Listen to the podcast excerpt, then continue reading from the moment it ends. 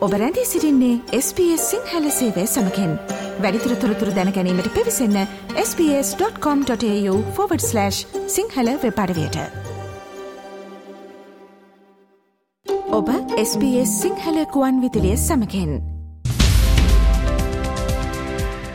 මවබිමින් පුවත්. ඔස්ට්‍රලයාාවේ අද උදැසනවද විට ශ්‍ර ලංකාවෙන් වාර්තාාවන ප්‍රධානතම පුවත් කිහිපය මෙන්න.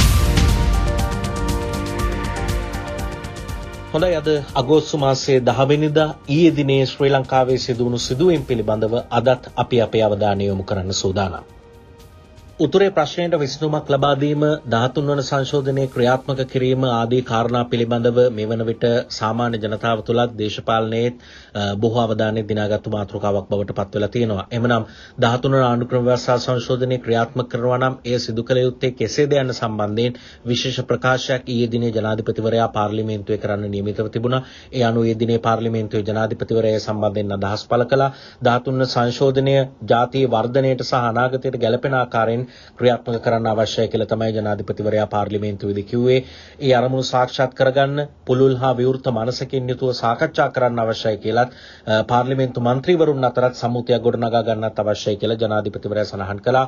ඒත් එක්කම පළාත් සභා ක්‍රමය පිළිබඳව කතා කළා. පළාත් සභා ක්‍රමයේ කාර්යක්ෂමව වගේම රටේ සංවර්ධනයට දායක වන ආයතනයක් බවට පත් කරන්න ඉදිරියේදී අලුත් පනොත් කෙටුම්පත් කිහිපයක් අරගෙන එන්න කටයුතු කරනවා. අලුත් ක්‍රියාමාර්ග ගණනාවක් ගැනීමට නියමිතව තියෙනවා කියලත් ජනාධිපතිවරයා සඳහන් කළා 13 වන සංශෝධනය පිළිබඳව බොහෝ දිනෙක විවිධ අදහස් පළ කරන වෙලාවක ඊයේ දිනේ පාර්ලිමේන්තුවේදී විශේෂ ප්‍රකාශයක් කරමින් ජනාධිපතිවරයා අදහස් පළ කළේ. අපි ඒ අතරින් ජනාධිපතිවරයා පාර්ලිමේන්තුවේ දක්වපු අදහස් කිහිපයකට දැන් අවධානය යොමු කරමු. මම හැමවිටම අවධානය කරන කරුණක් යළිත් මතු කර පෙන්වන්නට කැමතියි. අතීතයේ පාරමින් ඉන්නේ නැතුව අපි අනාගතය ගැන හිතමු. රටේ අනාගතය ගැන සිතා අවංක චේතනාවෙන් පෙරදැරිව එකට එකතු වී පොදු තීරණයකට එළඹෙමු. 13 වෙනි සංශෝධනය හරහා පළාත් සභා ක්‍රියාත්මක කිරීමේදී පසුගිය අවුරුදු 36 පුරා අපි සාර්ථක වුණාද? අසාර්ථක වුණාද? එසේ සාර්ථක වෙන්න අසාර්ථක වෙන්න හේතු මොනවාද? අපි මේ ගැන කතා බහ කරමු. අපි අවුරුද්දකට පළාත් සභා වෙනුවෙන් රුපියල් බිලියන 500 පණහක් පමණ වැය කරනවා. මේ මුදල් වලට සාධානයක් පළාත් සභා වලින් ඉටු වෙනවද? මේ මුදල් ජනතා යහපත වෙනුවෙන් යෙදවිය තියනවද? අපේ අවධානය යොමු කළ යුතු එක් කාරණයක්. පළාත් සභා සුදු අලියක ලෙස හඳුන්වන්න පිරිසක්ද අපේ රටේ ඉන්නවා. හැබැයි මේ සියලු අඩුපාඩු සහ දුර්වලතා මැද ශ්‍රී ලංකාවේ දේශපාලන මග්ග කෙරෙහි තීරණාත්මක බලපෑමක් ඇති කළ ආයතන පද්ධතියක් ලෙස පළාත් සභා හඳුන්වන්න පුළුවන්. පළාත් සභා බලය බෙදීම 13 වෙනි ව්‍යවස්ථා සංශෝධනය මේ රටේ උත්තරීත නීතියයි. එය නොසලකා ඉන්නට අපට අපට හැකියාවක් නෑ. දැනට ව්‍යවස්ථාවේ සඳහන් මධ්‍යමාණ්ඩුවේ බලතල ලැයිස්තුව, පළාත් සභා බලතල ලැයිස්තුව සහ සමගාමී ලැයිස්තුව යලි අධ්‍යයනය කොට අවශ්‍ය සංශෝධන ඉදිරිපත් කිරීම සමහා අග්‍රමාත්‍යතුමාගේ ප්‍රධානත්වයෙන් රැස්වීම කැඳවීමට අප පියවර ගන්නවා. පාර්ලිමේන්තුවේ නියෝජ්‍ය කරන සියලු පක්ෂවල සහාය මිට ලබා ගන්න. 1987 අංක 44 දරන පළාත් සභා පනත මගින් පළාත් සභා අමාත්‍යවරයෙකු සතු වගකීම් මොනවාද? පළාත් අමාත්‍ය ලේකම්වරු සතු වගකීම් මොනවාද? අනෙක් නිලධාරීන් සතු වගේ මොනවද යන්න නිශ්චිත ලෙස අර්ථ දක්වා නැහැ. ඒ නිසා යම් යම් වැරදි අවබෝධ ගැටලු සහ අවුල් ඇති වෙනවා. ඒ නිසා ඔවුන් සතු බලතල නිශ්චිත කරන ආකාරයට පළාත් සභා පනත සංශෝධනය කළ යුතුයි. පළාත් සභා සම්බන්ධ මේ නීති සංශෝධන කර ගැනීමෙන් හා නව නීති සම්මත කර ගැනීමෙන් පසුව පාර්ලිමේන්තුව එකඟත්වය ලබාගෙන පළාත් සභා ඡන්ද විමසීමේ පනත සංශෝධනය කිරීමට අප සූදානම්. දැනට මේ සම්බන්ධයෙන් යෝජනා තුනක් ඉදිරිපත් වී තිබෙනවා. දිස්ත්‍රික්ක සමානුපාතික ක්‍රමය යටතේ ඡන්ද පැවැත්වීම පාර්ලිමේන්තු මන්ත්‍රීවරුන්ට පළාත් සභා සඳහා තරඟ කිරීමේ අයිතිය ලබා දීම කාන්තා නියෝජනය 125ක් හෝ එයට වැඩි ප්‍රමාණයක් දක්වා ඉහළ නැංවීම. මේ පිළිබඳව සාකච්ඡා කර එකඟතාවය ලබාගෙන පළාත් සභා ඡන්දය පැවැත්වීමට අප පියවර ගන්න. 13 වන සංශෝධනය පිළිබඳව විශේෂ ප්‍රකාශයක් ජනාධිපතිවරයා ඊයේ පාර්ලිමේන්තුවේ කරන අතරතුර මතුවුණු සංවාදයකදී සෞඛ්‍ය අමාත්‍යවරයාට එරෙහිව අරගෙන ආපු විශ්වාසය භංගය පිළිබඳව සජිත් ප්‍රේමදාස විපක්ෂ නායකවරයා සඳහන් කළා. ඔහු කිව්වේ අපිට එක දිනක නෙමෙයි දින තුනක විවාදයක් අවශ්‍යයි කියන දේ පාර්ලිමේන්තුවේදී ටිකක් උද්වේග කරව විපක්ෂ නායකවරයා සඳහන් කරා සමහර වෙලාවට පිළිතුරු ලබා නොදීම් වගේ කාරණාත් පදනම් කරගෙන කොමුණත් ඉක්බිතිව නැගිටපු ජනාධිපතිවරයා හදිසියේ කවුරුත් බලාපොරොත්තු නොවුණු වෙලාවක අද හෙට අනිද්දා කියන දවස් තුනේ පාර්ලිමේන්තුවේදී සෞඛ්‍ය අමාත්‍යවරයාට එරෙහිව විශ්වාස භංගය ගන්න එය විවාදයට ගන්න යෝජනා කළා. එහිදී විපක්ෂ නායකවරයා සහ ජනාධිපතිවරයා පළ කරපු අදහස් වෙතත් දැන් අපිට යොමු වන්න පුළුවන්. ඔබතුමාගේ ඔය විවිධ උදාහරණ හරහා මං ඉල්ලීමක් කරනවා සභාව නොමග යවන්න එපා. ඒ වගේ මම එකක් කියන්න කැමතියි. මේ අද මාධ්‍යවලත් ගිහිල්ලා තියෙනවා අපි සෞඛ්‍ය අමාත්‍යවරයාට විරුද්ධව ඉදිරිපත් කරපු විශ්වාසභංගය ආපස්සට ගන්නවා කියලා. එහෙම දෙයක් නෑ. අපිට ඕන. අපිට එක දවසක නෙවෙයි දවස් තුනක විවාදයක් ඕන. කෑ ගහන්න එපා. so we are ready. නෑ මම මෙච්චරයි කියන්නේ. හෙට අනිද්දායි සෙනසුරාදා අපි වෙන් කරනවා. ලෑස්තිද? ලෑස්ති. හා විශ්වාස භංග යෝජනාවට. හෙටයි අනිද්දායි සෙනසුරාදා.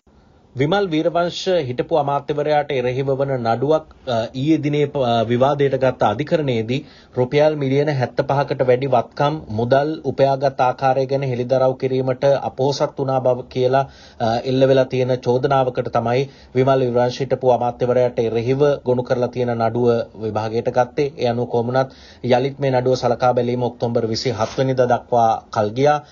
නඩුව පවරාගෙන පවත්වාගෙන යන්න නොහැකි බවට විත්තිය නීතිය ගොනු කරලා තියෙන මූලික විරෝධතාවලට අදාළ වාචක දේශන ඉදිරිපත් කරන්න දිනයක් ලබා දෙන්න කියලා විමල් වීරවංශ හිටපු ඇමතිවරයා වෙනුවෙන් පෙනී හිටපු නීතිඥවරයා සඳහන් කළා. ඒ ඉල්ලීම පිළිගත් අධිකරණය මූලික විරෝධතාවලට අදාළ ලිඛිත දේශන ඔක්තෝබර් 27 වෙනිදාට කලින් ඉදිරිපත් කරන්න කියලා විත්‍රි පාර්ශවයට නියම කරා.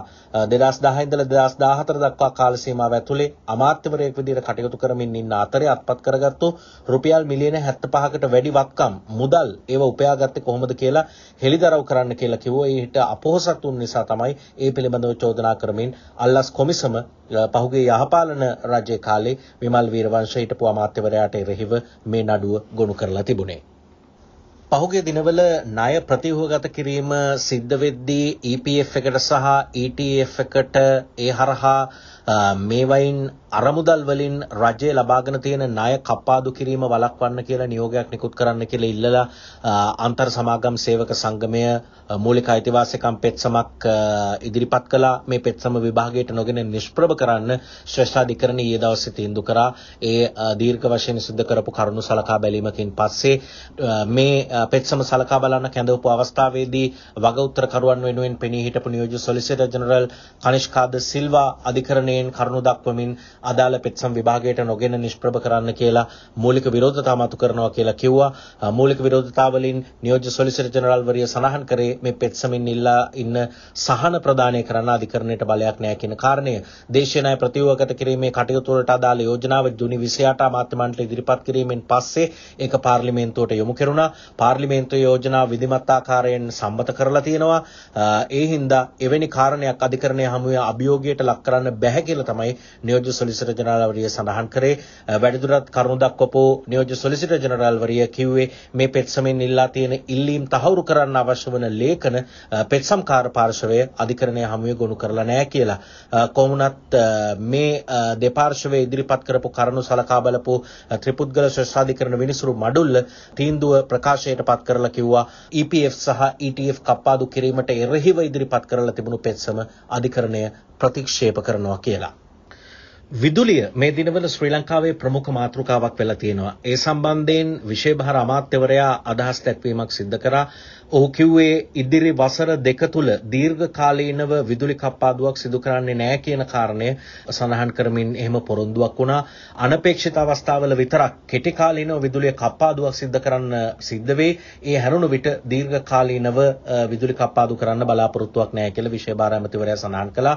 විදුලි ගාස්තු ඉහළ නැමීම නිසා විදුලිය නිෂ්පාදනය සඳහා වැයවන මුදල එකතු වෙන නිසා හැම බලාගාරයක්ම ක්‍රියාත්මක තත්වයේ තියන්න පාවිච්චියට ගන්න හැකියාව තියෙනවා කියලා ඔහු සඳහන් කළා. ඒ වගේම ඉදිරියට තියෙන සැලසුම අනුව 2030 අවුරුද්ද වෙනකන් යටිතල පාසුකම් සංවර්ධනය කරන්න ඇමරිකන් ඩොලර් බිලියන 5.5ක් අවශ්‍යයි කියලා අමාත්‍යවරයා සඳහන් කළා. එහිදී අනාගත විදුලි අපේක්ෂාවන් සහ ගන්න ක්‍රියාමාර්ගයව විවේචනයට ලක්වන ආකාරය පිළිබඳව කංචන විජේසේකර විදුලි බල හා බලශක්ති අමාත්‍යවරයා පළ කළපු අදහස් වෙතටත් දැන් අපි යොමු යොමුුවමු. සමහල් අවස්ථාවලදී රජයේ ප්‍රතිපත්ති තීන්දුවක් කරගෙන අදානි සමාගමත් එක්ක මෙගවොට් 500ක සුළම් බලාගාරයක් වෙනුවෙන් ප්‍රවේශයක් කරගෙන තිනවා මන්නාරම පුනරින් ප්‍රදේශවල. නමුත් මතුවෙන විරෝධතාවල තියෙන්නේ දේශපාලන සමහල්ලාට. සමහරට තියෙන්නේ අවබෝධයක් නොමැතිකම. දැනට මේ විදුලි අය ක්‍රමය අපි සංශෝධනය කිරීමෙන් පස්සේ අපිට ප්‍රමාණවත් මුදලක්, ඒ කියන්නේ අපි වියදම් කරන මුදලට සරිලන මුදලක් අපිට ලාපසු ලැබෙන නිසා අපේ පද්ධතියේ තියෙන හැම බලාගාරයක්ම පාවිච්චි කරන්න පුළුවන් මේ මොහොතේ පාවිච්චි කරනවා වගේ. රට ස්ථාවර වෙන එකට මිල ගණන් අපිට අඩුවෙන් ලැබෙනවා. දැන් අද ගත්තත් ඩීසල් දැවිතෙල් පහුගිය අවුරුද්දට වැඩිය අඩු වෙලා තියෙනවා. ගල් අඟුරු ඊළඟ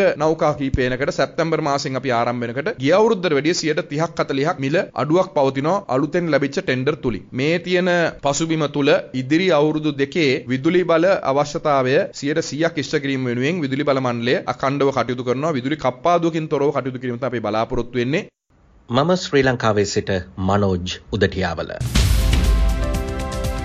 බෞබිමෙන් පුවත් ශ්‍රී ලංකාවෙන් වාර්තාාවන ප්‍රධානතම පුවත් කිහිපය SBS සිංහල සේවෙන්.